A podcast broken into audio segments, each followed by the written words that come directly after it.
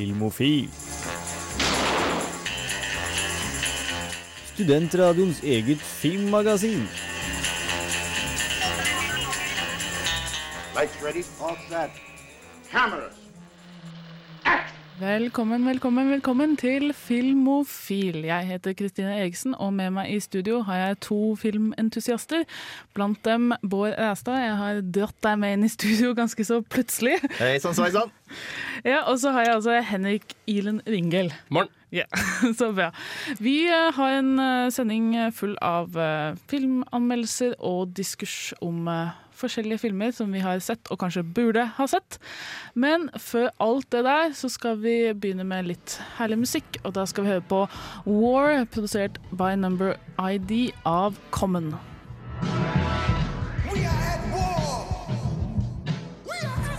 Ja, der hørte du War, produced by No ID, selvfølgelig, for jeg leser punktummer der det ikke er punktum. Uh, by Common. Og vi skal ha filmnyheter. Filmofil gir deg nyhender fra filmen og fjernsynets i spanende verden. Ja, Er det noen som har lyst til å hoppe ut i det? Bård, du hadde noe du har satt inne med? Ja, uh, Indie nei, Latino Review, en sånn nettside som er ganske flink på Ja. å komme med rykter som viser seg å bli sann. Kom med et rykte som vi uh, virkelig Virkelig håpa blir sann. Og det er at Pixar skal lage Star Wars-film. herregud. Ja, altså, Yes. de, de er jo under Disney, altså så de må jo få lov av eh, pappa, for å si det sånn. Ja, nei, det var ganske snakk om at jeg skulle ta og lage Marvel-film. Det har veldig lyst Folk på nettet har veldig lyst til at jeg skulle lage Fantastic Four da Disney kjøpte Marvel, men eh, så glemte folk å ta og diskutere ta da Disney kjøpte Star Wars, men jeg syns at det har vært veldig kult. Det hadde det. Jeg tror det. Jeg håper i hvert fall at eh, hvis eh, de tar og lager en film, så er det noe som fokuserer på enten roboter eller romvesener. Sånn at det kan være litt mer kreativ og gjøre noe som de som gjør det i live action, ikke kan gjøre. Ja, fordi vi liker jo Pixar, gjør vi, gjør vi ikke det? Absolutt. Selvfølgelig. Vi, som gjør jo det, Hallo! Nei, det, det hadde vært så awesome hvis Og og vi veit jo at de, den nettsida du nevnte, er, er kjent for å, å, å rykte sant, holdt på å si. Mm. Så vi får bare krysse fingra for det. Ja, da har jeg en liten uh, nyhet også om Star Wars. Uh, det er rykter som kanskje ikke er sanne, for å si sånn. De, ikke, de har ikke den vekta uh, som, som ditt rykte har. Og det er at Carrie Fisher har nå gått ut og sagt at Altså Carrie Fisher, hun som spilte Leia, for de som for en eller annen grunn ikke vet det. Nei, nei, altså. De, hun sier at både hun, Mark Hamill, altså Luke Luke Skywalker, og Harrison Ford, aka Han Solo, skal alle komme tilbake for neste Star Wars-film. Eh, og det tar jeg med et ganske stor håndfull salt, for å si det sånn. Altså, hun kan jo snakke for seg selv, og hun sier at hun har lyst til å ta på seg den gamle kostymet igjen, og at det hadde vært veldig gøy. Men kan hun si noe for de andre? Vel, greia er at Carrie Fisher er den som er, før hun sa dette, var den mest usikre. Fordi at både Harrison Ford og Mark Hamill holder seg fremdeles aktiv i filmroller. Yeah. Mark Hamill er veldig stor på eh, voice acting-fronten, hvor han er med i massevis av roller, både små og store. Sist store han gjorde, var selvfølgelig jokeren i Batman Arkham City-spillet. Han, Og- gjorde han også stemmen i jokeren i uh, Batman The, the Animated Series? Det gjorde han. Det er der han ble kjent for å gjøre Akkurat. jokeren. Og han er med masse rart. Og Harrison Ford er Harrison Ford, som tar på seg massevis av skitjobber og massevis av litt bedre jobber, og som er ganske kjent for å ha veldig lyst til å gjøre en Indiana Jones-film til. Og lever i beste velgående, kort sagt. Absolutt. Men har vi lyst til at de skal komme tilbake? Hvilken funksjon skal de komme tilbake i? Det er så vanskelig, vet du, fordi skal vi, vil vi virkelig se de gamle heltene våre sitte i rullestolen nærmest, liksom? Hva- Vel, er at i det første manuskriptet, skrevet av han som skrev Toy Story 3 og Little Miss Sunshine, så fokuserte jeg mer på den nye generasjonen, med den gamle generasjonen i bakgrunnen, bare for å ta og lede oss videre. Og rykten sier at nå når de har tatt og endret manuset med nye forfattere, så er det mer fokus på den gamle garden, og at dette er deres siste hurra. Og at de to neste filmene Ja. er der, eh, der nye skal Det kan jo funke, da. Ja, Det er vanskelig. Jeg skal liksom prøve ikke dømme, men samtidig uff, nei.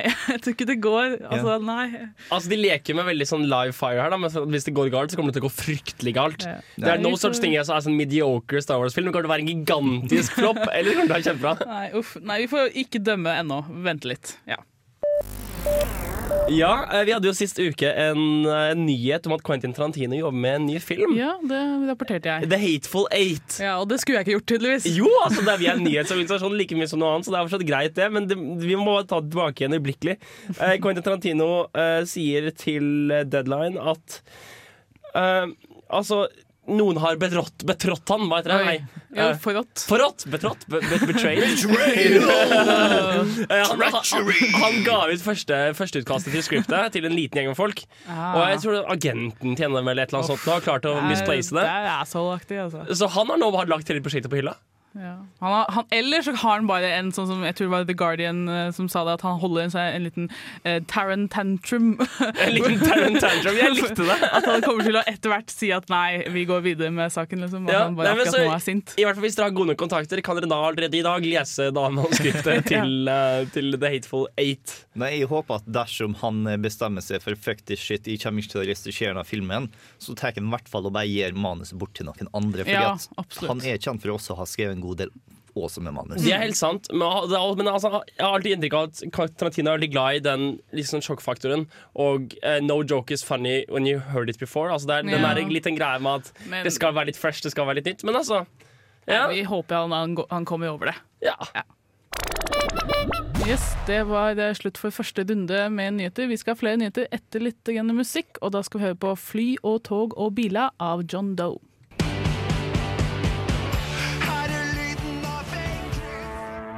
Fly og tog og biler av John Doe, og vi skal ha flere filmnyheter.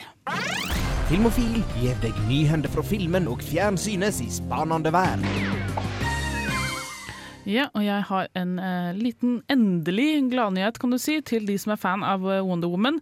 For de som veit om det, de veit jo at eh, det er jo et prosjekt som mildt sagt har hatt problemer gjennom tidene. Men nå ser det ut som de kanskje får et lite lysglimt, og det er at eh, skal vi se, Gal Gadot er det som du uttaler navnet, Yep. kanskje? Ja. Hun har fått en kontrakt for tre Wonder Woman-filmer. De som ikke vet hvem hun Gal er, hun er um, kjæresten til han Paul Walkers karakter i Fast and the Furious. En og oh, ja, hun, ja. nummer seks. I er det remember now. ja, men serr. Ja, så, og hun ser jo, altså, Hvis du ser på bildet av henne, så ser hun absolutt ut som hun kan uh, pull it off. Ja. Mm. Så jeg vet ikke om dere, noen av dere er fan av Wonder Woman? Nei. Jeg Nei. liker Wonder Woman. Jeg likte veldig godt den animerte filmen som kom tilbake for et par år siden, Ah, som okay. folk burde ta og sjekke ut. i på at den ligger på Netflix. Mm. Eh, og når hun har tatt og signert for tre filmer, så vil jeg anta at det betyr eh, Supermann versus Batman, hvor hun Oh. dukker opp for første gang. Det hadde vært awesome. Forhåpentlig så betyr det at eh, Wonder Woman får en solofilm, og så eh, dukker hun opp i Justice League. Ja. Men det at hun bare har signert for tre filmer i forhold til alle superheltene på Marvel, som har signert for sånn seks-sju stykk, Ja. viser egentlig forskjellen mellom hvordan eh, Marvel Studios og Warner Bros. Mm. tar og ser på superheltfilmene sine. For Warner Bros. har ikke peiling på hva Nei. de gjør, ser det ut som. Det er sant. Det. Altså Min erfaring altså til nå Nå må dere si fra meg jeg tar feil.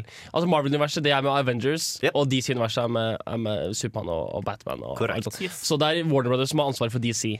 Og de har laget filmer i 2000-tallene som Supermann eh, og Spiderman og Nei, nei. Batman. Det er Supermann og Batman og den forferdelige Green Lantern-filmen. Ja, er- og det er Og vel, riktignok Watchmen, men den er ikke i samme univers. Nei, nei, det er et godt poeng. Men altså, vi er ikke så veldig entusiastiske over de. I nærheten er ikke like entusiastiske ikke som vi er ikke sant, for Avengers-serien og alt som Marvel har laget der borte. Men du veit jo aldri, altså med den nye på en måte rebooten da, av, eh, av Supermann Superman? Superman og, og med mulig 2015 er vel for Batman versus Superman, så Ja, nei, Kanskje de fikser utsatt, utsatt til 2016. ja, så jeg- 16 var det, okay, ok, såpass. Det ble utsatt Ja, nylig. Nei, altså, for, på, til den, altså, I 2016 kan vi bare alle være dritlei av superheltfilmer. Det veit vi ikke. Så nei, vi får se hva som skjer, og så får vi bare håpe at hun er flink til eh, den rollen, i hvert fall. Ja, og eh, skal vi se, du hadde en nyhet? Nyhet, nyhet, nyhet. nyhet. Eh, Sly, Oh. Sylvester Stallone, kongen av uh, Rocky og Rambo-filmene, skal lage ny Nei, han skal ikke det. Han, er, han skal være birolle i en spin-off av Rocky, hvor, som heter Creed. Filmen heter Creed, og det er da um, Altså Sønnen til motstanderen hans i første filmen, altså Apollo Creed, eh, sønnen hans skal gjøre et eller annet greier, og så skal da Sylvester spille hans, eh, han, en, bi, en birolle da i den filmen. Ja, så he's training the son of his enemy. Ja, et eller annet sånt Noe i hvert fall. Så, Ok, er ikke digget. Er ikke så 67 år gamle Rocky, nei, Rocky Bilbao Stallone er rett og slett bare tilbake i det rocker, rockeringen. Så det er Million Dollar Baby med slice ja, of the det er, det er egentlig det. Ja, men ja, det kan jo i hvert fall noe bedre enn å lage enda en rockefilm, i hvert fall. Ja, Jeg er glad han lever, jeg. Altså, det fins verre dødsrykninger enn å være birolle i en eller annen kul film. Ja. Hvorfor ikke? Ja. Eh, og så en liten eh, morsom nyhet helt til slutt. Det er at uh, De som lever på internett, er kanskje kjent med denne memen som heter uh, Sad Keanu. Hvor det, det er bilde av Keanu Reeves som sitter på en benk og ser skikkelig nedfor ut. Han, er, han ser så lei seg ut. Og det har vært en ting som har gått ut på internett i flere år, tror jeg, nærmest. Så nå har da et japansk selskap bestemt seg for å lage en uh, Sad Keanu-leketøy. eller en liten modell hvor han sitter på en benk og ser trist ut.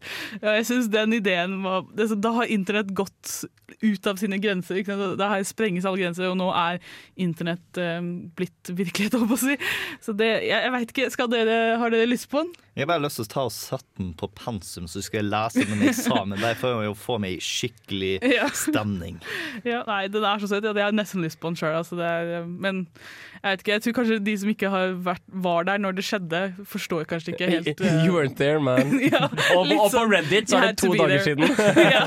ja, den blir repostet der 100 ganger sikkert, Ja, ja, så nei, da følger folk med. Jeg satt nå i uendelig stillhet for å komme på hvilken film det er, men det er vel ikke en film, det er Nei, det bare nei, det er det paparazzi-fotografi. bare Ja, tilfeldigvis. hvor, for Keanu har har et ganske trist liv. Ja. Det er, han har mista dattera si, først og kona si, og alt mulig. Jeg tror det er mulig å ta et trist bilde av en person uten at han må ha et trist liv for den, den grunn. Ja, men det er et eller mer at du veit liksom, hvor Ja, trist, passer. hvor Ja, trist sånn, du hadde vært hvis okay. ok. du var Det er liksom det at Keanu Reeves er kjent for å være litt sånn woody actor. og så ser du med sånn ekstremt tydelige følelser. Ikke det at den er overdrevet trist, men det er bare sånn Ja, Yes, nettopp. han er trist. Det er det. Så ja, det er en ting man kan kjøpe.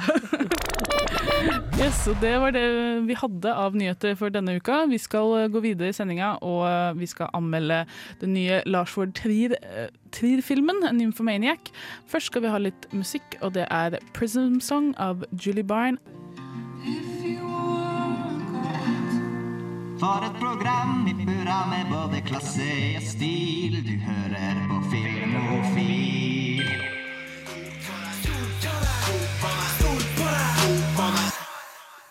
Ja, der hørte du Ygetid av Handa Delini her på Filmofil. Vi skal ha ukas filmanmeldelse, og det er min egen anmeldelse av Nymphomaniac. Så da kjører vi bare på med den med en gang. Nymphomaniac, eller Nymfoman på norsk, følger livshistorien til Joe, som fortalt av henne selv til Stellan Skarsgårds karakter Seligman. Seligman finner henne overfalt på gaten og tar henne med hjem. Der overtaler han henne til å forklare hvordan hun havnet i den situasjonen. Livet hennes er livet til en sexavhengig, eller nymfoman som hun foretrekker. Hennes fascinasjon rundt sex startet i ung alder og vokser til å bli en avhengighet. Hun forteller om hennes mange partnere, og av spesiell interesse er Jerome, spilt av Shia LeBeouf, som er den eneste hun forelsker seg i, til tross for at hun ikke tror på kjærlighet. Joe beskriver seg selv som en ond person, men det er ikke Seligman enig i. Han kommer bl.a. med flere sidesprang løst knyttet til det hun forteller, og hun bruker det som kapitteltitler i sin historie. It's nothing to smile about. All I wanted to say was that if you have wings, why not fly? If I asked you to take my virginity, would that be a problem? No, I don't see a problem. You, you are to ask him if he wants to have sex with me. Yeah. Um, My name is Joe, Hi, Joe. and I'm an nymphomaniac. Før jeg går noe dypere inn i filmen, må det sies at dette er en klippet versjon av Lars von Triers originale. Før filmen starter, eller filmene, da det var både volume 1 og volume 2 som ble vist back to back, vises en tekst som sier at von Trier gav sin velsignelse, men hadde ingen annen input i denne versjonen. Så vi kan sannsynligvis si at dette er en tryggere versjon. Det som overrasket størst, var hvor tradisjonell historien blir fortalt. Kapitlene, sammen med en nærmest folkelig fortellerstemme og Seligman som en barnslig lytter, skapes en distanse mellom publikum og historien bak fortellingen. Joe har en kald stemme, og dette forsterker følelsen av distanse hver gang hun bryter inn i en scene for å forklare noe. Dette gjelder spesielt vårt forhold til andre karakterer, som f.eks. hennes far, spilt av Christian Slater. Han virker veldig sympatisk, men vi kommer liksom aldri nærmere enn det Joe forteller om han. The only difference between me and other people was that I've always demanded more from the sunset. More spectacular colors when the sun hit the horizon. That's perhaps my only sin. Til tross for denne distansen er det en veldig personlig historie.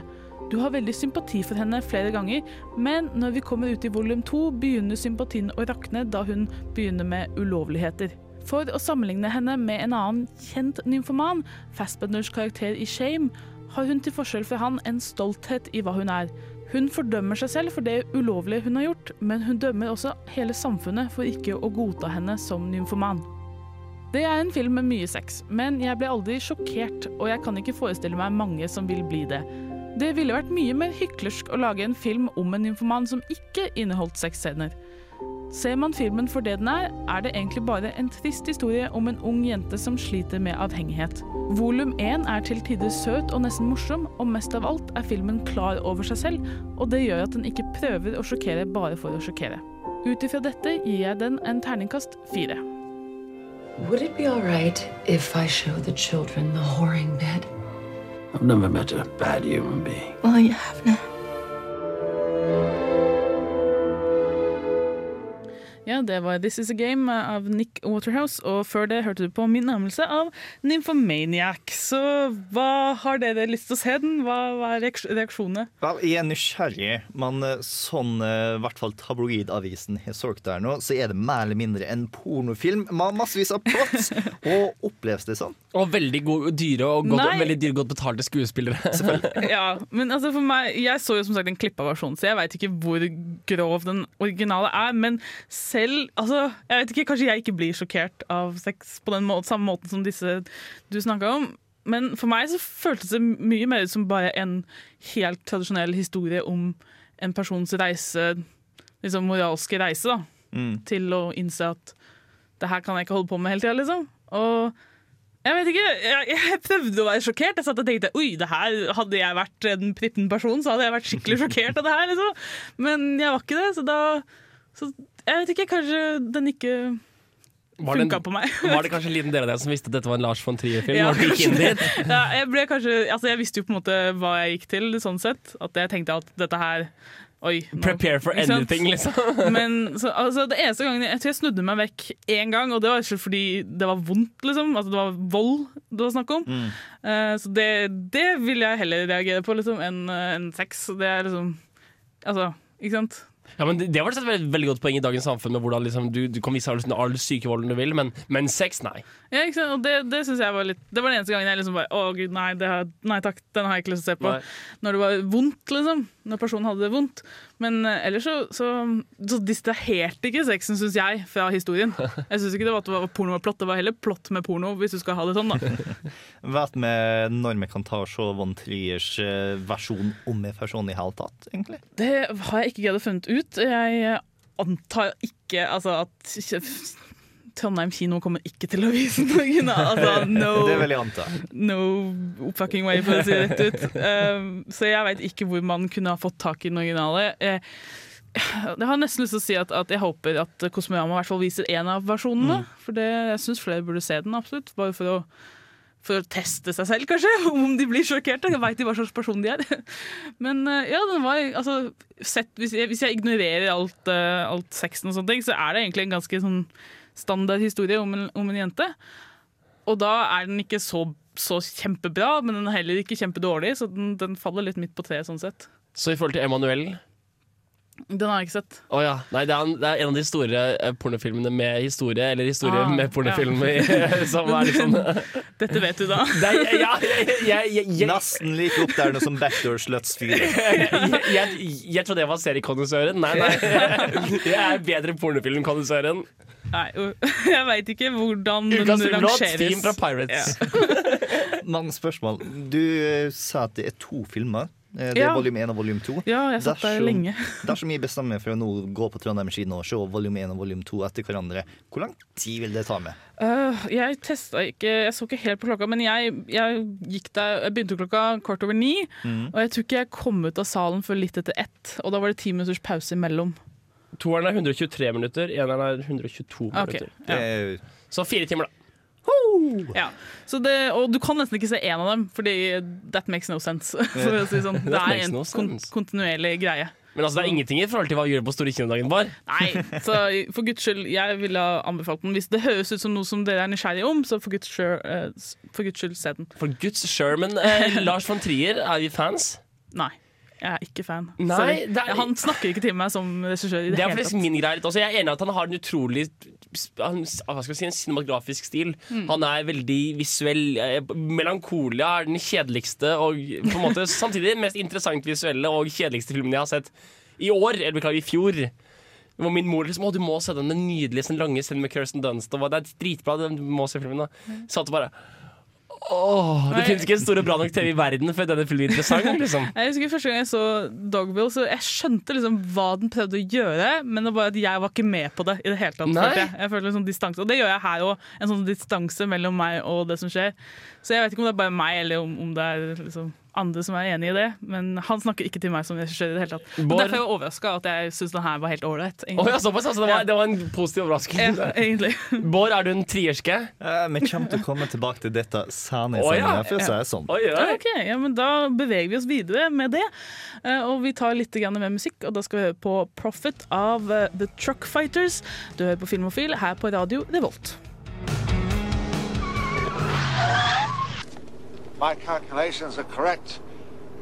When this baby hits 88 miles per hour, you're gonna see some serious shit. Du hører på Filmofil på Radio Revolt.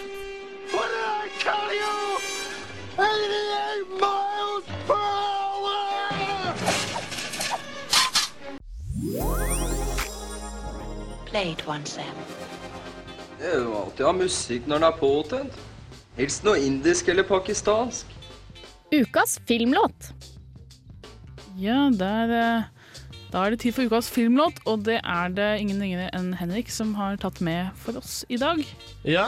Har du, har du lyst til å fortelle litt? Ja, jeg har egentlig det. Vi har en greie på uh, mandag som heter uh, Mandag morgen blues. Og dette er selve definisjonen på en mandag morgen blues-sang. Hvor du blir skikkelig, blir, den tar tak i nakken din og så svinger deg rundt, så blir du skikkelig godt humør og får ikke lyst til å danse. og Det er dritbra. Hvilken eh, film er det den hailer fra? for å si sånn? Den hailer fra filmen 500 Days of Summer. Uh, Eh, Joseph Gordon-Lewitt og Zoe Deschanel, og det er omtrent de jeg kjenner fra den. Um, han, eh, han Matthew Greg Goobler fra Criminal Minds, fra de av oss som eh, Clark Gregg, som er Agent Colson fra Ja. Marvel-filmene. Er er han Er han sjefen. med i filmen? Han er sjefen. Det, det visste jeg ikke første gang jeg så den. for Sjefen til i, på det der kortskriveriet? Nettopp. Wow. Og, eh, Ja, da må jeg se den igjen! Ah, kjempebra. Og Shirley fra Community tar over herregud. jobben til eh. Summer. Smell, altså. Mm. I hvert fall, eh, Jeg syns det er en fantastisk koselig film. Og, og det interessante med den for min del er at det er et slags en kombinasjon av en ordentlig sånn polert høybudsjettfilm, Samtidig som den gjør to ting jeg liker veldig godt. Det ene er at den putter Zoe Chanel i rollen som er perfekt på henne. Mm. Fordi det som Fordi jeg oppfatter at hun spiller bare én rolle. Mm. Som så mange andre fantastiske skuespillere så spiller hun egentlig bare seg selv om igjen om igjen. Selv om jeg vet ikke om hun er sånn i virkeligheten, men hun spiller alltid den samme fuckings rollen. Mm. Og her så er det Filmen er perfekt laget for det. Fordi det er irriterende hvordan hun er sånn. Det er Ja. og det er liksom Det går, ga det går bra, det går galt, og det går bra fordi hun er sånn. Ja, det Og kan jeg stemme for. Ikke sant? Og det, er liksom, og det bruker det så bra. Og det andre er faktisk det er en kompis som har kommentert på, at filmen er altfor ekte. Jeg liker det at den at er så ekte. Mm. At han ser på filmer for å havne i en illusjon. Han ser på filmer for å bli tatt til en annen virkelighet, ikke for å bli påminnet om sitt eget liv. Han vil ikke se et speil opp mot sitt liv, han vil se noe annet. Nei, for det er litt av greia med 500 Days of Summer. Det er om å ta og bryte ned illusjonen. Ja. Det handler om Joseph Gordon-Lewis sin karakter, som tror at han har et awesome forhold med Zoe de Chanel sin karakter, og så bryter den egentlig ned og ser litt nøyere på og fortelle det. Dette var egentlig ikke et godt forhold, og du kunne ha satt det tidligere, men i stedet så valgte du å ta og, Og sykkelpynte. Ja, akkurat. Og, det, og man blir veldig sånn Man kjenner veldig på at dette er veldig ekte. Man kjenner Mm. seg veldig, hvis man har hatt et forhold Eller hvis man har hatt noen opplevelser i sitt liv, så er det liksom Man kjenner seg veldig igjen i det. Mm. Og denne låten er da makspunktet i filmen. Det er crescendoet. Det er, det her, liksom, åh, feel good. Og det er for meg selve definisjonen på feel good, Fordi det er da Hall and Oates, May You Make My Dreams. Parentes come true. Uh, og det er bare så god stemning! Og det, det, ja, den er så fantastisk bra presentert i filmen. I. Fordi at det er sånn ordentlig subjektiv virkelighet. Han har nettopp hatt sex med Zoe de Chanel for første gang. Er drithappy, og hele verden smiler til henne og vinker til henne. Bokstavelig talt. med han. Han ser seg i speilet der, Ja, er her han må jeg Sol og bare «Wee!» Ja, ja, og det er liksom, og, og, går, går så mye igjen gjennom parken og danser, så plutselig kommer det et fullt dansekompani med, med han. Og noen gir det sånn, noen gir han et håndballtre, så han kan knock it out of the park. Det, det er liksom Greia er at vi alle sammen har vært her, for vi har hatt det liksom lykkeligste øyeblikket Ja. i livet vårt. Hvor vi bare danser nedover den rene gata. Bare sånn fuck the world, I'm happy! Ja, og Men da, med den energien så setter vi i gang. Da setter vi på.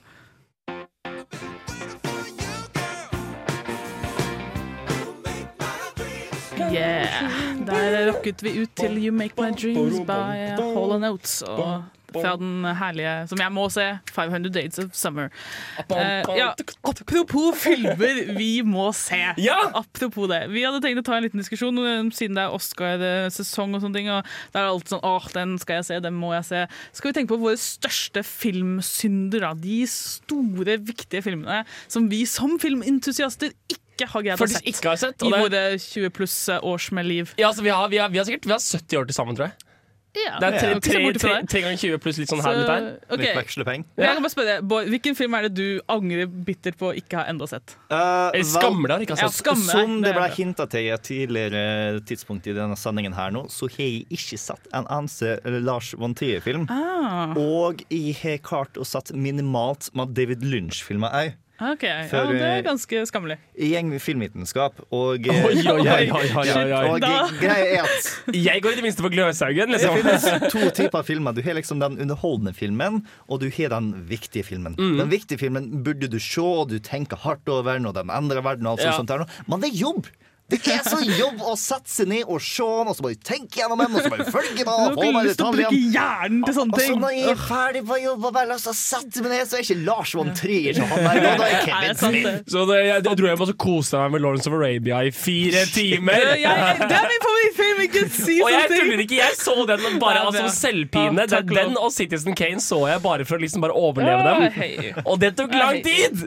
Det tok en Lawrence- uke å se dit og filme. Peter. O'Toole, God rest him, er en oh, ja. gud i den filmen. Oh, ja, ikke, ikke er kom her og snakk drit om Lawrence nei, of Arabia. Altså. De er kjempebra. Både Lawrence of Arabia og Citizen Kane er veldig bra filmer. Men jeg kan se på dem på en kjedelig søndag. Dr. Jeg Strangelove, uh, How I Learned to Stop Worrying About jeg sett. Det er også fantastisk, en fantastisk film. Men jeg har ikke sett den. Men jeg blir ikke underholdt!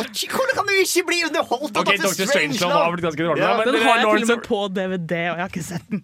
Det må da være din, da, må, en av mine største, og det er den, og, og selvfølgelig Citizen Kane. Som jeg føler ingen har sett nå for tida. Jeg Jo, jeg så Ok, den. du har sett den? For jeg har gått filmvitenskap, og Ja, okay. jeg har sett den Nå på- kommer de argumentene i den retningen. Ja, men, da får jeg jo sett den på riktig måte, fordi at det som er problemet med veldig mange når de skal satse ned og se Citizen Kane, er at de ser en film. Mm. Det som er viktig med Citizen Kane, er å ta og sette den i kontekst.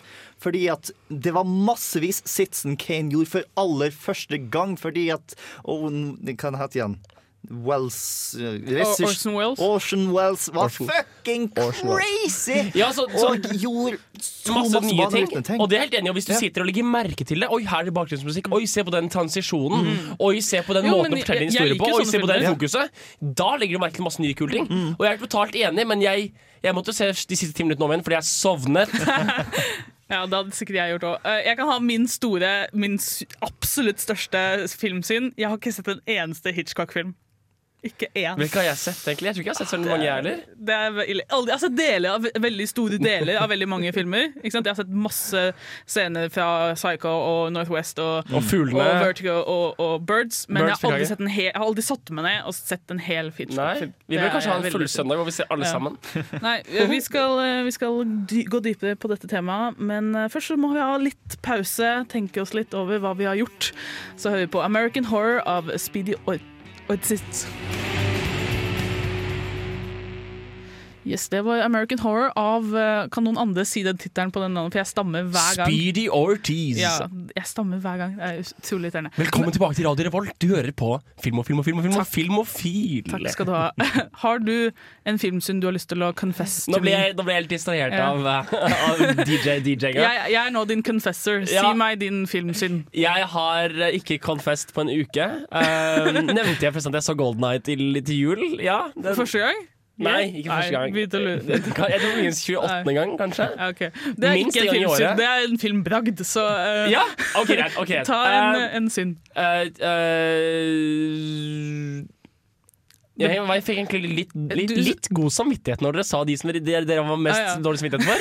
For jeg har sett Citizen Kane, jeg har sett Casablanca, jeg har sett Lawrence of Arabia. Litt flink. Men jeg har ikke sett Big Lebowski. Jeg har ikke sett Shutter, Shutter Island. Har Den er ny, altså. Den, Ja. den har du relativt god tid på, for å si det sånn. Jeg vet ikke helt, jeg føler at alle har sett Shutter Island. Jeg har ikke sett Shutter Island. Ja, Okay. Oi, da er det jeg som står her og, og kan brife. Det burde dere, for å si det sånn, for den er ganske bra. Selv om slutten er litt sånn eh. Men Big Lebowski, har du sett den, Bård? Ja. Er den, er den, er den bigebra? Den er ganske kul, og det er liksom så mange siteringer av Ja, den filmen. Ja, det er- man kan ikke sitte på Jeg Reddit føler jeg har sett den allerede, liksom, bare pga. alle sitatene. Yeah, well, that's like your opinion, man. ja, men altså, Det er forbløffende tilfelle av at jeg vet masse om den mm. uten å ha sett den. Det er en scene, visstnok, så hvor, hvor det kommer hvor, hvor en eller annen dude står ute langs eh, mørke motorveien og kjefter og smeller. Og så kommer det en dude kjørende i en bil forbi og roper et eller annet og hiver en boks i hodet på han. Nei, nei, nei. Nei, nei, det er Bing John Malkovich. Ah, faen. Og greit, eh, jeg har kommet på en ny film jeg ikke har sett. Uh, Bing John Malkovich. Den burde du også jeg, se. har, jeg tror jeg har sett den. Du har den låst inne et eller annet sted. OK, greit. Bård. Yes, uh, greia er at På videregående så har jeg en rektor som var veldig stor fan av Gudfaren-filmen. Uh, og uh, han tok og vikarierte en gang iblant for oss. Og med vikarierte så mente jeg Han kom inn og sa fuck it, de kan kanskje noe om samfunnsfag, men tenk å sette på Gudfaren igjen! Ja! og så sånn to måneder siden så kommer han. OK, vel, eh, nå skal vi ta vikariere igjen, så vi satt på Gudfaren 3! Hva? Hva? Unnskyld. Og det var to ganger han tok og vikarierte for oss i løpet av videregående. Ah, nei, altså så så du aldri Så jeg ble aldri vist Gudfaren 2, og jeg har aldri tatt meg tid til å se Gudfaren 1 det- det på grunn av hele Gudfaren 3 og Italia-biten av Gudfaren 1. What the fuck was up with that shit? Yeah. Hva snakker snakker du om? Det var stemningsskapende. Det, det var sånn jeg er Nå ser vi til Italia sånn, og hun bare hadde droppa hele energien i filmen. Ja, det er litt Jo, det er men sant, men- toeren er jo, er jo altså Alle sier jo det at toeren er liksom det beviset på at sequels kan være bra. Det er derfor det er min største filmsynd at de ikke har satt det er enig. Nei, det er det er faktisk et veldig, det er faktisk et veldig godt poeng. For mange så er jo Gudfaren 2 den beste filmen de har sett. Ja, Ja. den, altså, den er fantastisk. Jeg er veldig glad i eneren òg, så for meg så er Mm. de så å si like. Altså Når du sier at du mister all energien i Italia-scenen i filmen yeah. Jeg kjenner meg så litt igjen i det. Jeg føler ikke at det er noe energi i den filmen overhodet. Det er bare sånn stemning. Det er bare, det er bare These are days of our lives. Jeg tror ikke det er liksom. pluss at det ikke er noe energi Jo, men det, jeg, altså, det, er ingen, det er ingen grad av adrenalin for meg. Det er en slags apatisk opplevelse av en Ja. ekte historie. En Det er sånn, liksom, når han er i Amerika, så er han hele tida Ja. i fare, og så kommer de til Italia og spør Ja, nå henger vi her nå, og er litt fra i den jenta her nå. Oh shit, nå stikker ja, det tilbake til Amerika. når du sier det på den måten, så er jeg litt enig. Altså. Det, det er litt sånn Oi da, nå Nei, falt vi litt ned. Først, først skal jeg se uh, Gudfaren 2, så føler jeg at jeg må se Gudfaren 1 på nytt igjen. Det det er sånn over fem år det er faktisk litt på tide at jeg får sett den igjen også, så uh, Ja. Camilla stiller nok opp for det. Nei, Hun er nok med på det. så da, da har vi hørt uh, våre filmsynder, så vi må gjøre bot for det. Eller noe, jeg vet ikke hva Vi skal Vi må kanskje se filmene. Vi må Det er se eneste, dem, ja. Eneste måten å Så kurere oss på. jobb! Fem klassikere og en runde rundt huset. Men uh, ja, jeg skal i hvert fall sette meg ned og se Citizen Kane en eller annen dag på ordentlig måte, sånn som uh, Yes. Bård har sagt. I kontekst. Yes. Uh, men nå skal vi ha litt mer eh, musikk. Vi skal høre på eh, Hey Joe av eh, Charlotte Gainsbourg.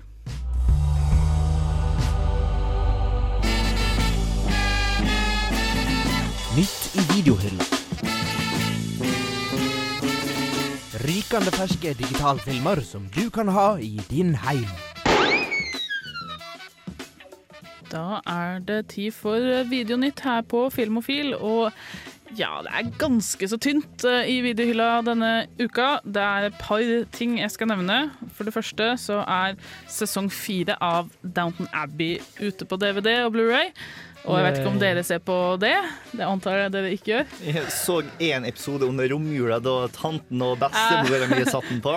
Og jeg likte Paul Giomani som amerikaner. Ja, han var herlig. Åh, jeg ble så glad når jeg så han i, i Christmas special. Han, Paul Giamani, han spiller i Han er kjent som å være sint, liten italiensk mann. American han, han, Splendor, kanskje? han skal være Rhino i en ny Spiderman-film. Det også.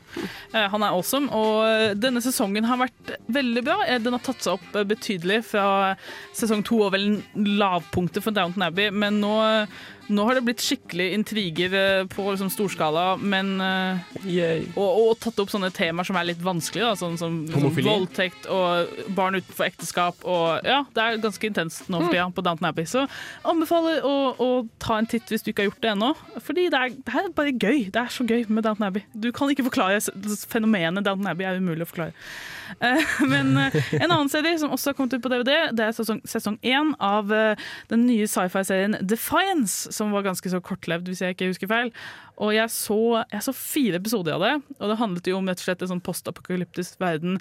Eh, Det var satt til St. Louis, som nå hadde blitt eh, byen Defiance. Og så var det forskjellige eh, kulturer av romvesener og mennesker som skulle leve sammen. da.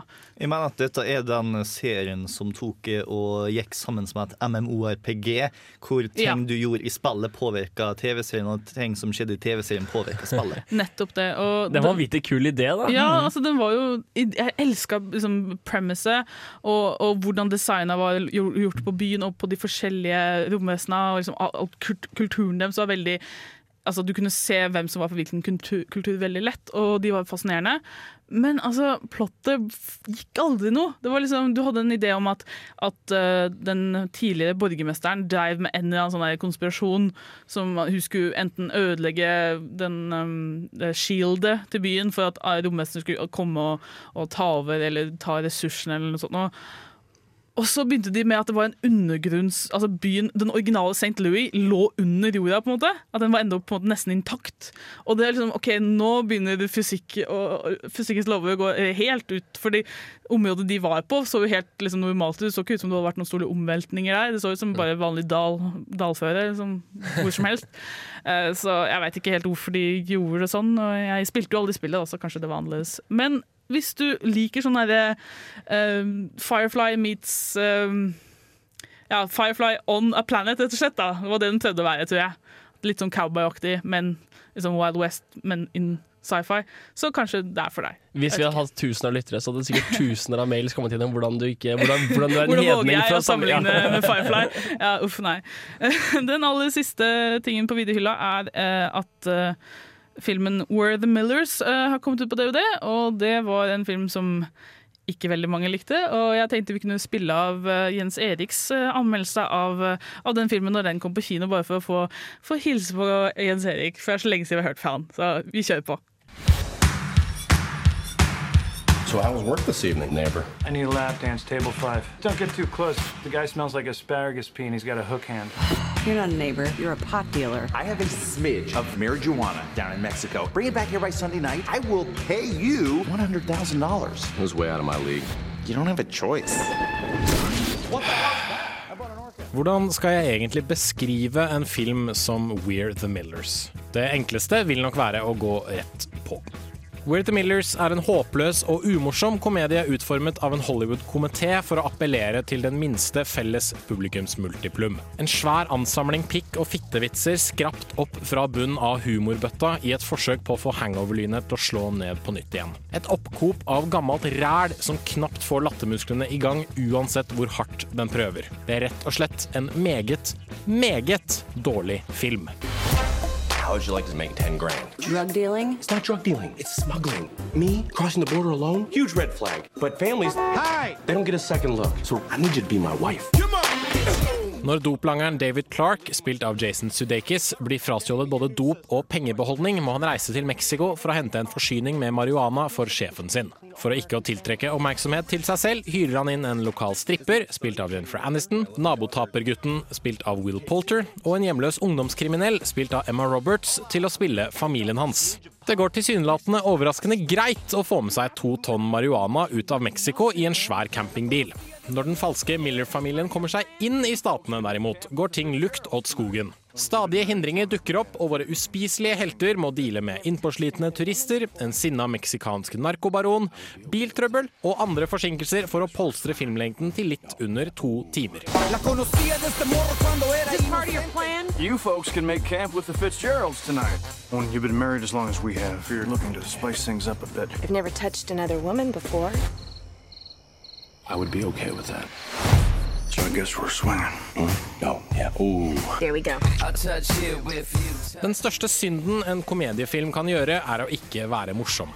Den nest største synden er å være forutsigbar og kjedelig. We're the Millers klarer bemerkelsesverdig nok å begå begge synder samtidig. Manuset består nesten utelukkende av dårlige kukvitser uten særlig brodd, mening eller latterfaktor, som igjen fører til at du kun sitter der og venter på hva som skjer. Disse håpløse vitsene blir slept ut av skuespillere som ellers er ganske morsomme, men som ikke har nok å spille på i sine roller utover flate, kjipe stereotyper. Det blir banalt, det blir teit, og det blir for dårlig. Is that a cucumber? They're interesting. It's a big black penis. It's a skateboard. Skateboard, great. Of course it is. The big black skateboard. Turns out that we stole from an international drug dealer. You all die now as a family. We're not even a real family. My wife, she's just a cheap stripper. Okay, prove it. We're the Millers er rett og slett komisk latskap på sitt aller verste. En unnskyldning for skuespillere, regissører og diverse andre filmfolk til å spy ut nok et makkverk for den uintelligente masse som både hyller og gjør narr av det prototypiske amerikanske forstadslivet.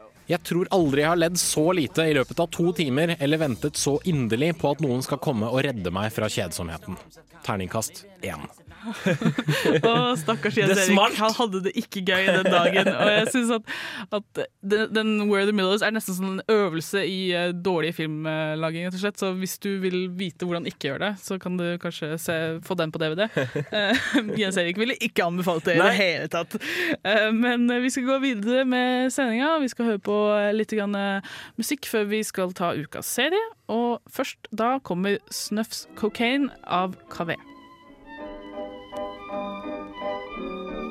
Jeg er eh, Agnes Kittelsen, Og jeg er Aksel Henning, og det er viktig at uh, dere hører på Filmofil. filmofil. Hei! Hei! Det er ikke 90s sitcom-flashback. Ta og Skru på noe annet. Ja, bedre, men prøv igjen. Der, ja! Ahem. Filmofil presenterer ukas serie. Ja, det hørtes ut som noe veldig interessant, Bård. Eh, Hva er lyden vi hører? Det Hørte? der er lyden til Clerks The Animated Series. Ja, du hørte riktig. Kevin Smith sin uh, indie-darling fra hva, 1994 eller noe sånt som er nå, hadde et veldig kort liv som en animert serie. Ikke ulikt eh, blant annet Robocop, for en av merkelig. merkelige. Eh, og eh, jeg har en enorm forkjærlighet for eh, TV-serier som én er animert og to er kansellert. Og eh, Clerks traff begge kjempehardt, fordi at den har kun seks episoder produsert. Eh, greia er at den kom ut eh, i 2000, rundt da det var kun Simpsons som hadde bevist seg å kunne ta og fange et voksent eh, publikum for animerte serier. Family Guy var ute, men som dere kanskje husker, så ble det òg kansellert eh, Mm. ikke så lang tid etter, Mm. fordi at det også ikke fant publikummet sitt Mm. før publikummet fant DVD-en. Mye som uh, Clerks. Eh, En del som Clerks, men Clerks kom aldri tilbake Oh, ja, sånn, ja, ok. Eh, For eh, det er Kevin Smith som står bak der nå. Han har skrevet massevis av manus, og du har en hel haug med andre folk. Faktisk så har Paul Dini skrevet en av episodene. Yep. Eh, Paul Dini er en av de vikt... Han er basically karen som skrev Batman The Animated Series. Oh, ja. Yeah. Eh, og der fikk eh, alle stemmene til de folka som er fra originalfilmen. Der fikk man eh, Randall, der fikk man se Dante, der fikk man se Jay, og der fikk man Awesome. Silent Bob. Ah, da ble det bra. Ja, og eh, i motsetning til filmen, som var ganske down to earth og litt quirky, men fremdeles realistisk, så utnytter Clerks absolutt det at den er et format som tillater deg til å tøyse totalt. Kult. Eh, For eksempel i første episode så tar millionæren Leonard Leonard og flytter inn. Tar og lager eh, Bygger sitt hovedkvarter forma som en gigantisk L. Og så tar han og lager rett over gata for Quickstop, hvor eh, folka våre jobber, lager han Quicker Stop. Som er et gigantisk mål som tar og stjeler alle kundene. Og eh, selvfølgelig så klarer de å redde dagen på slutten fordi at eh, Hey, spoilers! Eh, men andre episode er kanskje min favorittepisode av Den er høyt, høyt, høyt der oppe av alle episoder ever. Fordi at andre episode er en klippshow-episode. det, det betyr at de tar og sær tilbake på alt som har skjedd tidligere i serien, og mimrer til det. De klarer å stenge seg inne i fryseren og bare sånn Husker du den gangen? Og så er det bare den samme scenen fra første episode i løpet av første fem minutter. Wow. Og så etter hvert så er jeg sånn Husker jeg jo den gangen? Ja, det var for fem sekunder siden. De tar seg igjen. Og så blir det selvfølgelig litt mer sånn Family Guy-ikke hopp hopping til da de var eh, clerks i India, hvor det, Ja. inderne spør Why are all you clerks American? Den var veldig bra. Ja, Bra Og, og det bare fortsetter seg å være crazy, crazy, crazy. På et tidspunkt eh, så eh, tar eh, Randall og blir dratt inn i et gigantisk virvar pga. at han tok og spilte et spill ekstremt bra. À la War Games. Mm. Eh, i stedet for å ta og fly Nei, The Last Starfighter, mener jeg. Men i stedet for å ta og fly fly, så tar han og dytter steiner i eh, Indiana Jones and the Temple of Doom-style. hvor eh, Dante tar og redder han tilfeldigvis fordi at han og lilleputtlaget hans i baseball kommer forbi i India. Okay, Ok, ja. Eh, og etter hver episode så har du en ganske fin sekvens hvor Jay and Silent Bob kommer for å ta og snakke med alle ungene om diverse stuff, sånn à la GI Joe-style. Og eh, vi kan ta og sette på en av de her og nå.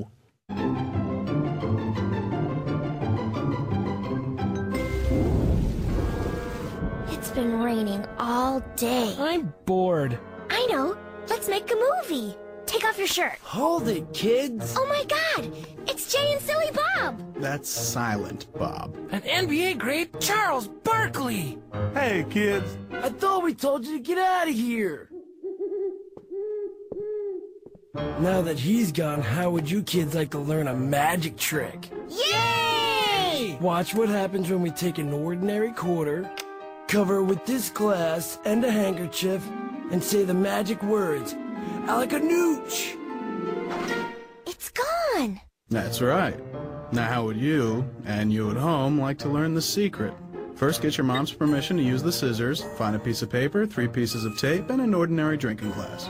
First, we cut a small paper circle and tape it to the glass. That way the quarter's cover when we put the glass over it. Then we say the magic words, Alacanooch, and invoke the Dark Lord saying we offer this girl's soul to you, master. And the quarter is gone. Ta-da! That's great! I'm scared. Thanks, Jay. Thanks, Silent Bob. Sure, whatever. And remember, just because it rains. Doesn't mean you can't have a parade. What? Now take off your shirt.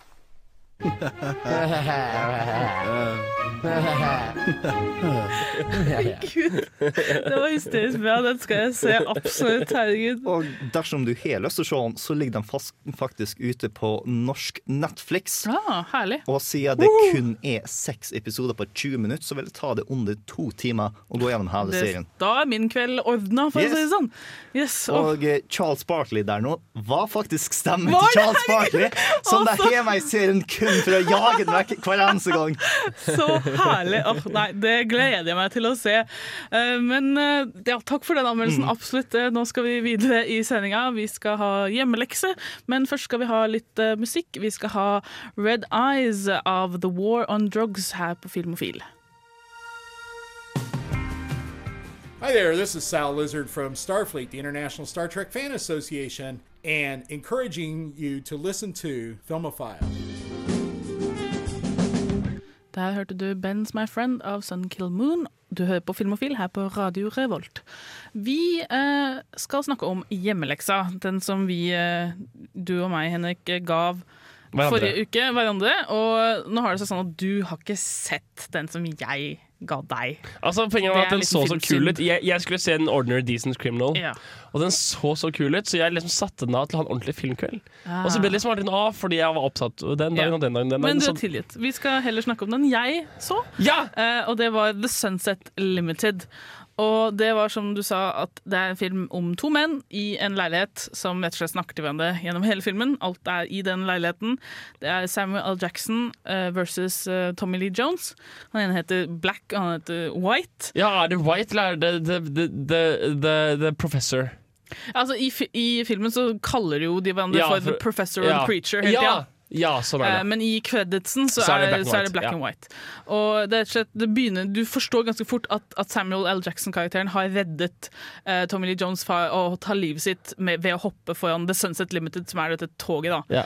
Eh, og de går fra dette inn i en diskusjon om, om døden og livet og Gud og Jesus og Eksistensialisme og alle tings betydning. Veldig tunge temaer. Og det er basically et teaterstykke, ikke sant? Ja, det er jo Jeg tror jeg leste at boka uh, av han Cormac McCarthy var liksom a novel in dramatic Ja, form. ikke sant, Eh, ja. så det er absolutt mer et skuespill, vil jeg si. Litt sånn Waiting for Godot-aktig ved det. Ja, og Så, are, are you entertained? eh, ja, jeg likte den relativt bra gjennom hele, for jeg er veldig glad i sånne bare bones-filmer. da. Mm. uh, men innimellom så blir det litt sånn repetitive. Altså, Ja, det er, det er du kommer sant. hele tida tilbake til deg. Ja, ok, nå skal vi snakke om Jesus og hvordan han er i livet ditt. Ja, vi skjønner det. Men eh, overall så er det en veldig interessant samtale. Da. Men jeg tror folk må være veldig klar over at det her er veldig sånn det er veldig skuespillaktig. Altså, du veit aldri altså, Du glemmer aldri at det er to skuespillere som sier linjer. Det er aldri sånn at Jeg falt liksom aldri inn i, i filmverdenen. sånn, ja. Ja, det- det det er veldig forseggjort. Ja, Alle linjene er nøye planlagt. Det er kanskje det jeg litt mente med at det, at det virker litt teatralsk. For det er helt tydelig at det er teaterstykke. Det er helt tydelig at det er skues... Det er faktisk et godt poeng. Ja. Det jeg. Ja. Så det, kan, Mm. det er kanskje ikke for alle. Ikke? Noen liker filmene sine være filmer og teater være teater. Mens dette her er, det, det skurrer litt hvor, Mm. hvor det ligger. Ja. Eh, så det, men det likte jeg egentlig ganske godt, for jeg, jeg liker teater, så det passa meg fint. Ja. Eh, og jeg likte Tom Lee Jones sin karakter er fascinerende. Han spiller på en måte jeg ikke har sett han spille før. Det er det. Ja, var det passer, veldig ja. fascinerende. Og han, han er liksom den derre sure liksom, Han er helt desillusjonert av, av verden, og han har den ideen om at at det mer han veit om verdenen, det mindre den har betydning. rett og slett. Og så kommer da Samuel. Jackson og sier at liksom, hvorfor har du tillatt deg å ta imot all denne kunnskapen hvis det bare fører til elendighet? Ja, hvis det bare fører til at du tar livet ditt, hva er vitsen å tro på all den kunsten og kulturen og, og, og altså, alt det der intellektuelle Ja. som han uh, har holdt så hellig hele livet sitt? Liksom, hvorfor ikke heller bare vite Bibelen? Det ser han hele? Det- Alt jeg veit, er i Bibelen. Ikke sant? Ingenting annet trenger jeg. Så da er jeg lykkelig. Og, ja. Ja. Det høres kanskje helt forferdelig jeg vet ikke, å se en film bare om det. Det høres kanskje tungt ut, men det var ikke så tungt som jeg trodde det skulle Nei, men. Det var akkurat, akkurat, det som var poenget mitt også. Sånn, Oi, tenk Du må sjekke ut den filmen, for den er overraskende underholdende i forhold til hva den burde være. Nei, men den, eh, den, var, den var veldig bra. Den var litt sånn går tilbake til de samme temaene Ja. litt mange ganger. Men ellers så var den Jeg vil gitt den eh, Sterk firer. Ja, i hvert fall Ja. firer. Skal vi, skal vi kjøre låt og så finne på nye hjem- hjem- hjemmelekser? Det skal vi gjøre, vet du. Da skal vi høre litt på Digital Witness av St. Vincent. Det var Digital Witness av St. Vincent, og vi snakker hjemmelekse. Hjemmelekse. Og da er de- den forrige hjemmeleksa, The Ordinary Decent Criminal, gjelder fortsatt, vil jeg si. Altså, altså Våre lyttere har selvfølgelig allerede sett den. ja, de har allerede sett den. så Ikke alle er like vi- udugelige som meg. Ja, vi antar at dere er flinke, dere som hører på. Eh, og, men så Derfor skal vi gi ny hjemmelekse. For, for, de som ikke har, for de som har gjort sin hjemmelekse, så skal de selvfølgelig få ny. Uh, og da har jeg valgt ut en gammel klassiker fra 1989. Og det er Jeg tenkte å gå i en helt annen retning da enn Ordinary Decent Criminal. Og ta en litt sånn romcom, uh, når romcomer var bra. Altså den tiden før det uttrykket var lagd. Ja. Uh, og det er altså When Harry Met Sally. Og det er Den er så god, altså. Det er vel your mom's favorite movie, er det ikke det? Jo. Og det er en grunn til det. Den er veldig hyggelig og veldig søt. Og det er fra tiden rom romcoms kunne være ja, intellektuelle, for å si det sånn. Så har noen sett den? Eh, Nei. det eneste jeg har fått med meg i, fra den filmen, er selvfølgelig den scenen Ja. hvor hun tar og faker en orgasme. Og, og uh, ei dame på den andre sida av restauranten sier I want what she's having. Said. Nettopp. Jeg har sett den en gang for kjempelenge siden, men det er så lenge siden at jeg føler at eh, jeg, jeg bør sette den. Ja, det er bra. Så det er hjemmeleksa. Så dere kan uh, dere sagen til meg med forbi forfalska orgasme. Hva har jeg å se fremover til? Ja, og så kan dere Det var et spørsmål. Han sa. 'hva er det jeg kan se frem til med denne filmen'? Jeg beklager, jeg, jeg, jeg, jeg oversetter gjerne for deg. Bård. eh. jeg hørte ikke hele spørsmålet. Eh, nei, altså det er jo um, det er jo en klassiker om eh, disse to Harry og Sally. Uh, when Harry met Sally, it's in the title. Uh, de, de, skal, de begynner med at de skal kjøre til, til byen. Altså, bestemmer de, er helt fremmede, da, men de skal kjøre sammen for å spare peng. Uh, og så krangler de hele veien. og De hater hverandre. Men de blir på en måte venner, og så gjennom årene så møter de opp hele tida og så snakker om hvordan livet deres har gått i mellomtiden. Så etter hvert så bygger det seg opp. Selvfølgelig, så det, er jo, altså, det er jo romantisk, så du vet jo at de ender opp sammen en eller annen gang. Hva tenker du om oss? Spoiling? For jeg begynte å tenke på det nå når du fortal, gjenfortalte historien. Ja. Egentlig bør man ikke vite noe om den. Ja, men det er, egentlig. vi er så vant med disse tropene at det er litt sånn som For å ta Citizen Kane-versjonen. er at Dette er troper vi nå er veldig kjent med, men eh, forskjellen er På at den tida så var det ikke dette er, når de bruker dem i denne filmen, så er det på en smart måte, da, for å si si det sånn.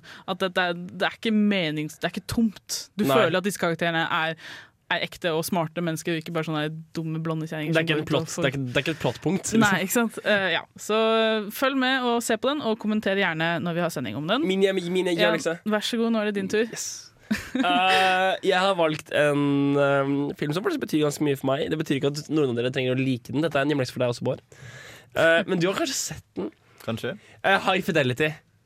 Faktisk ikke. Året er 2000. Eh, John Cusack er på sitt aller, aller søteste. Jack Black er totalt ukjent. Oi. Eller ikke totalt, kanskje, men temmelig ukjent. Uh, Kenny Syskei som sitter Jones, har vært kjent ganske lenge.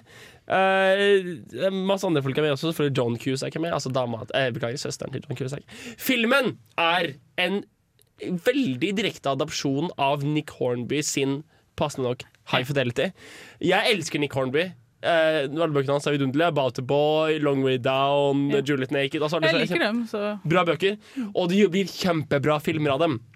Og High Fidelity for meg det er en slags kombinasjon av at jeg liker John Cusack, men det er også en del sånne livsfilosofi-ting fra den boka som jeg faktisk har brukt i mitt liv. Eh, hvor det liksom har med noe om hvordan å se på eksempel se på forhold til kvinner. Hvor han liksom ser på et forhold han har, og så holder han på å være Ja, altså Det handler vel om utroskap, når han, sier- at Men altså Når jeg ser henne på avstand, alt jeg ser er hvem jeg tror hun er. Alt jeg ser er illusjonen. Jeg vet ikke om hennes skitne undertøy. Men det går vel for alle mennesker, ikke bare damer du skal Definitivt, ha definitivt, men jeg kjenner meg vel igjen av at det gresset er alltid grønne på andre siden. Mm. Og, det, og det er et par ser scener i den filmen, og han har disse listene Og det er liksom ah, Kvalitetsfilm! Ok, men da skal jeg, jeg skal prøve absolutt å se den, og oppfordre alle som hører på å se den, og kommentere hva de syns. eh, Og du også, Bård. vi har Ja, ja. Eh, så ja, da har vi hjemmelekse. When Harry Met Sally og High Fidelity. To eh, relativt romantiske filmer. Så Ja, de passer faktisk. sammen. Kanskje sånn tema. Yes, da skal vi ha én låt til før vi må dessverre si takk for oss. Da skal du få 'Far min' av Karan med Varan. Det var 'Far min' av Karan med Varan. Og eh, Vi glemte selvfølgelig å si hvor man kan finne disse filmene vi har gitt i hjemmelekse. Og jeg har funnet ut at uh, When Harry Met Sally ligger på norsk Netflix, så den er relativt lett å få tak i. High Fidelity derimot ligger, ikke, ligger ikke på norsk Netflix. Den kan syn- sannsynligvis ligge på amerikansk eller britisk. Ja, men så Gi meg et øyeblikk, da. Hvis uh, man har mulighet til å få tak i det. Det er jo relativt lett hvis man uh, googler litt. Grann. Eh, men jeg antar begge filmene er å få på DVD relativt lett. Og Clerks The Animated Series er definitivt på norsk yeah. Netflix. Yes. Uh, og eh, man kan sikkert finne hele greia på YouTube også, hvis man uh, prøver. Selv om det strengt tatt ikke skal gjøres. Ja, De prøvde tydeligvis ikke hardt nok da jeg lette etter klipp i dag. Okay. Jeg var litt heldig med det klippet jeg fant. Ja. Men ja, så da er det i hvert fall relativt lett å få sett litt av hjemmeleksa. Uh, ja.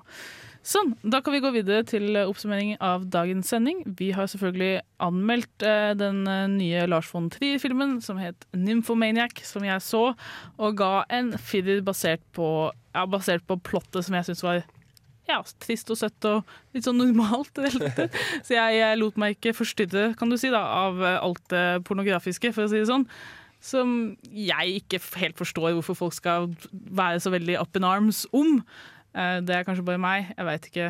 Det er Fordi sikkert samfunnet vårt er bygd opp på den måten. Vi skal kjøpe alt som har med sex å gjøre, men skal ta og ha en Men mening om det. Et poeng som jeg kanskje som jeg ikke sa uh, i, eh, når vi diskuterte filmen, at jeg synes det er veldig rart at, at ikke vi kan se den originale på, på en norsk kino. For hvis du, hvis du fjerner litt av filmen, så sier du rett og slett at disse delene av filmen er, er fælt, liksom. Mm. Men du kan vise alle mulige volds, voldsfilmer uten noe problem. Uten noe liksom Altså, hva er det hva er det som er igjen da, når du fjerner altså, disse delene? Sier du liksom at det som er igjen, det er, liksom, det er akseptabelt. Men du ser liksom på Avengers, da, for å ta en storfilm, da er det helt greit at tusenvis av mennesker dauer mens bygninger raseres og liksom Et alternativt er at uh, SA-scenen var langdryg og ikke tok og bygde like masse på plottet for Ja. de produsentene, og de fant det rett og slett masturberende. Det er sikkert, sikkert det. Så Ja. Det, det, det kunne diskuteres i alt evighet om, om vårt samfunns standarder på det punktet. Men eh, ja. Vi har også anbefalt Clerks animert-serien, selvfølgelig. Og vi har hørt på herlige filmlåter. Og vi har eh, snakket om hjemleksa, eller den hjemleksa som jeg så, The Sunset Limited, som jeg anbefaler eh, ganske Ja, jeg anbefaler den, jeg må si det. Den var ganske ålreit. eh, hvis, hvis du er klar over at du går til en film som er i ett rom, og egentlig teknisk sett bare én lang samtale. Yes. Men Ja. neste ukes uh, When Harry Met Sally og High Fidelity, to uh, romantiske filmer fra Hva filmer blir anmeldt neste uke? jo, det er jo selvfølgelig The Wolf of Wall Street og 12 Years a Slave. Så det er to store filmer som eh, er begge to masse Oscar-nominerte, så se frem til dem. Men eh, ja, da er det vel bare å si takk for oss her på Filmofil. Relativt uh, bra sending. Så da sier jeg takk for meg. Jeg heter Kristine Rokkan Eriksen. Jeg hadde med meg Bård Hei. og Henrik Ilen Ringel. Ha det bra. Yes, takk for oss. Ha det bra. Stop.